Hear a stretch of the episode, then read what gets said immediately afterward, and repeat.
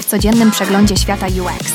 Każdego dnia przeszukuję najpopularniejsze artykuły z ostatnich 24 godzin, aby dostarczyć Ci najświeższe i najciekawsze informacje. Przygotuj się na krótkie, ale treściwe podsumowanie najnowszych trendów i innowacji w User Experience. Gotowi? Zaczynamy! Dzisiaj, 5 stycznia, zapraszam Was na kolejną odsłonę UX Shortcast. W artykule numer 1 jak skuteczne opowiadanie historii danych może pozwolić Ci projektować znaczące zmiany, Kai Wong bada siłę opowiadania historii w kontekście projektowania UX. Wong dzieli się osobistą anegdotą o trudnościach z wprowadzeniem istotnych zmian w projektowaniu w oparciu o opinie użytkowników i dane. Mimo przedstawiania przekonujących faktów i statystyk, rekomendacje Wonga często były odrzucane przez jego zespół. Artykuł zagłębia się w psychologię stojącą za tym oporem – wprowadzając pojęcie efektu odwrotnego, w którym ludzie trzymają się swoich przekonań nawet w obliczu sprzecznych dowodów. Jest to przypisywane mózgowi, który postrzega takie fakty jak zagrożenie dla ustalonego światopoglądu. Wong sugeruje, że opowiadanie historii danych, które łączy przekonującą siłę narracji z danymi, może być bardziej skutecznym sposobem na komunikowanie się i ułatwianie znaczących zmian w projektowaniu. Umieszczając dane w narracji, stają się one bardziej zrozumiałe i mniej groźne, co pozwala projektantom przezwyciężyć opór i podkreślić wagę zmian skoncentrowanych na użytkowniku. Wglądy Wonga podkreślają znaczenie opowiadania historii w projektowaniu UX, szczególnie gdy opowiadamy się za zmianami, które są poinformowane przez dane i opinie użytkowników. W artykule numer 2, zatytułowanym Twórca kontra wytwarzający Inna perspektywa na rozwiązywanie problemów, Luis Hermosilla zagłębia się w subtelne role projektantów w kształtowaniu rozwiązań. Część opublikowana w zbiorze UX Collective podkreśla znaczenie projektantów nie tylko w tworzeniu produktów atrakcyjnych wizualnie, ale również w tworzeniu funkcjonalnych rozwiązań, które rezonują z użytkownikami oraz interesariuszami. Hermosilla bada koncepcję perspektywy w projektowaniu, abstrahując za głębszym zrozumieniem roli projektanta w projekcie kontrastuje dwóch typów projektantów: twórców i wytwarzających. Twórcy biorą udział w procesie ideacji, dostosowując projektowanie do celów biznesowych i szerszych wyzwań, podczas gdy wytwarzający skupiają się na złożeniu finalnego produktu z silnym naciskiem na ich rzemiosło i mistrzostwo w obsłudze narzędzi. Artykuł zachęca projektantów do szukania miejsca przy stole, odwołując się do prac Erika Changa i Daga Powella, oraz do asertywnego wywierania wpływu poza estetyką, pozycjonując się jako liderów, którzy mogą znacząco przyczynić się do rozwiązywania problemów i strategicznego podejmowania decyzji. W artykule numer 3 zatytułowanym Mniej nie jest więcej projektowanie dla ludzi i dla planety, Ida Persson kwestionuje tradycyjną etykę projektowania opierającą się na prostocie. Argumentuje, że minimalizm, choć estetycznie przyjemny, może pozbawiać tożsamości kulturowej i kreatywności, prowadząc do schomogenizowanego świata. Person zauważa, że projekty dążące do stworzenia bezproblemowych doświadczeń często pomijają skomplikowane ludzkie i społeczne systemy, które je umożliwiają, niechcący zwiększając obciążenie dla pewnych grup ludzi. Ponadto krytykuje redukcję ludzkich doświadczeń do prostych stereotypów, jak to miało miejsce w przypadku uniwersalnie rozpoznawalnych symboli, które nie są w stanie uchwycić różnorodności indywidualnych doświadczeń. Person opowiada się za zmianą kierunku od prostoty do ekspansji w projektowaniu, zachęcając do włączenia śmiałości, odniesień kulturowych i uznania za nieodłączną skomplikowanie życia, aby stworzyć bardziej inkluzywne i harmonijne doświadczenia użytkowników. Podnoszenie swoich umiejętności dostępności jest niezbędne w dzisiejszym krajobrazie projektowania, a egzamin CPACC oferuje ścieżkę, aby to zrobić. W artykule numer 4 Ali Pashal dzieli się swoimi przemyśleniami na temat certyfikatu Certified Professional in Accessibility Core Competencies CPACC, międzydziedzinowego poświadczenia, które potwierdza podstawową wiedzę na temat dostępności. Egzamin obejmuje niepełnosprawności, technologie wspomagające, zasady projektowania uniwersalnego, a także istotne standardy i prawa. Ali opowiada o swoich doświadczeniach z integracją dostępności w swojej pracy związanej z projektowaniem UX/UI oraz jak przygotowanie do egzaminu CEPAXE rozszerzyło jej zrozumienie projektowania inkluzywnego.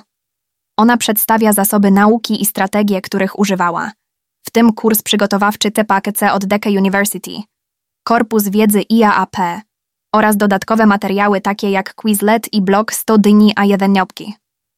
Artykuł prowadzi również czytelników przez proces aplikowania i planowania egzaminu CPAKC, podkreślając znaczenie ciągłej edukacji oraz utrzymanie certyfikacji poprzez kontynuujące edukacyjne punkty z dostępności CACS.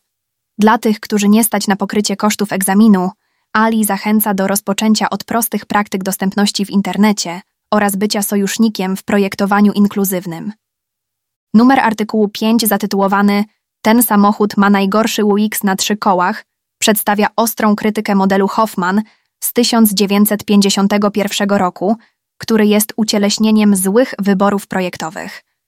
Autor Jason Klaus opisuje nietypowe cechy samochodu, takie jak sterowanie jednym tylnym kołem, silnik zamontowany na kierownicy, ciasne i nielogiczne rozmieszczenie wnętrza oraz szereg dziwacznych i niepraktycznych elementów, takich jak system obsługi okien na pasku i rura napełniania paliwa, która blokuje widok kierowcy. Klaus używa Hoffmana jako przestrogę, nakłaniając czytelników do uznania, że złe projektowanie może pojawić się nawet w środowiskach znanych z doskonałości inżynieryjnej oraz do zachowania czujności, aby uniknąć takich pułapek we własnej pracy. W artykule numer 6 zatytułowanym Zasoby systemów projektowania dla projektantów w 2024 roku przedstawiono skarbnicę narzędzi i wiedzy dla osób, które chcą opanować systemy projektowania. Artykuł rozpoczyna się od zdefiniowania systemu projektowania jako ram standardów, które obejmują wielokrotnie używane komponenty i wytyczne, mające na celu spójność i efektywność w produktach cyfrowych. Autor Godspower Echioze Ebiowej następnie metodycznie kategoryzuje zasoby na kilka sekcji. Dla repozytoriów przygotowano listę miejsc, gdzie można znaleźć otwarte systemy i powiązane narzędzia. Artykuły obejmują różnorodne tematy, od podstaw systemów projektowania po mierzenie ich sukcesu. Wybór książek dostarcza głębszych spostrzeżeń na temat metodologii systemów projektowania. Podkreślono otwarte systemy projektowania od głównych firm takich jak Google i Microsoft, oferując rzeczywiste przykłady do nauki. Dla uczniów wizualnych, którzy wolą oglądać treści o systemach projektowania, polecane są kanały na YouTube. Na koniec artykuł zachęca do nawiązywania kontaktów z wiodącymi projektantami i społecznościami, aby być na bieżąco z najnowszymi trendami w myśleniu o systemach projektowania. Praca Ebiowej jest wszechstronnym przewodnikiem, który nie tylko informuje, ale także łączy projektantów z szerszą społecznością poprzez linki do mediów społecznościowych, zapewniając im system wsparcia podczas poruszania się po skomplikowanym świecie systemów projektowania. W artykule numer 7 My Year in Design 2023 Pedro Canhenia podsumowuje swoje doświadczenia w branży projektowej z ostatniego roku. Omawia wartość procesu projektowego, podkreślając jego rolę w wspieraniu innowacji i redukcji kosztów poprzez projektowanie skoncentrowane na człowieku, prototypowanie i iteracyjne testowanie. Kanhenha porusza również temat zarządzania designem, zwracając uwagę na wagę dobrego słuchania, elastyczności i budowania relacji dla skutecznego przywództwa. Rynek pracy w 2023 roku jest przedstawiony jako szczególnie trudny, z wieloma profesjonalistami, którzy mają problem ze znalezieniem pracy po zwolnieniach. Kanhenha radzi projektantom, aby byli przygotowani, dbali o swoje portfolio i zarządzali swoimi oczekiwaniami podczas aplikowania o pracę. Podkreśla znaczenie samokształcenia i bycia na bieżąco z trendami w branży. Spoglądając w przyszłość, Kanhenha zachęca do wytrwałości w obliczu osobistych i zawodowych niepowodzeń, opowiadając się za podejmowaniem świadomych decyzji i priorytetowaniem w swojej pracy. Kończy artykuł cytatem Einsteina na temat wartości uczenia się przez całe życie, podsumowując temat artykułu o ciągłym wzroście i adaptacji w dziedzinie projektowania. W artykule numer 8 Developing Effective Interview Questions Jasper Kenze zagłębia się w kluczową rolę, jaką dobrze opracowane pytania odgrywają w badaniach jakościowych. Utwór opublikowany na UX Planet podkreśla znaczenie jasności i otwartości, aby uzyskać szczegółowe odpowiedzi uczestników. Przewodnik dla badaczy, jak dostosować pytania do celów ich badań i strukturyzować je progresywnie, aby opierały się na poprzednich odpowiedziach. Kense radzi również, jak unikać stronniczości poprzez neutralny język i przetestowanie pytań, a także jak dostosować się do zróżnicowanego tła uczestników za pomocą dostosowanego i elastycznego sądowania. Artykuł kończy się przykładami pytań badawczych i refleksyjnych, przygotowując grunt pod głębsze zagłębienie się w przeprowadzanie dogłębnych wywiadów w następnej części serii. W artykule numer 9, zatytułowanym Od szkicownika do strategii Alchemia projektowania w zarządzaniu produktem, Bhumika Ahuja dzieli się swoją zawodową ewolucją od projektanta przemysłowego przez stratega projektowania po managera produktu. Podkreśla ona znaczenie centrum obsługi klienta, szczegółowo opisując, jak empatia wobec użytkownika zmieniła jej podejście do projektowania ergonomicznego płaszcza, nadając priorytet zdrowiu i komforcie użytkowników. Ahuja omawia również, jak zasady myślenia projektowego wpłynęły na jej mapowanie drogi produktu, upewniając się, że opinie użytkowników i holistyczne spojrzenie na podróż użytkownika kierowały rozwojem aplikacji mobilnej. Na koniec podkreśla ona rolę empatii w zarządzaniu interesariuszami, co pomogło jej w nawigacji między zróżnicowanymi zespołami i włączeniu ich w stronę udanych wyników produktowych.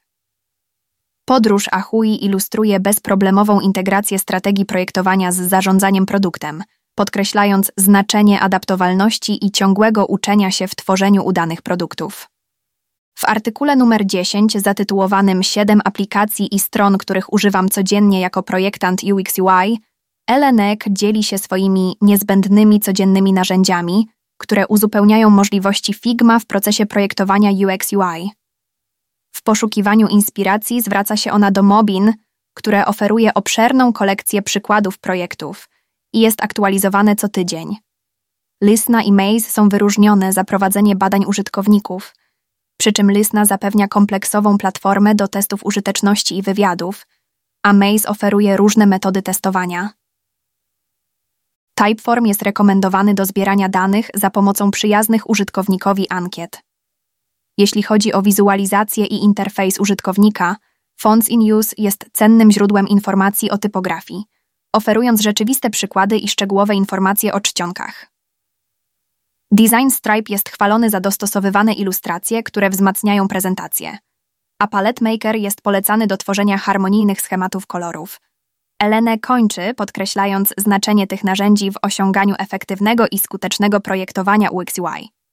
We wpływowym artykule numer 11 podnieś poziom dostępności w 2024 roku dzięki tym czterem postanowieniom, Pratik Szach inspiruje nas, abyśmy przyjęli postanowienia zwiększające inkluzywność.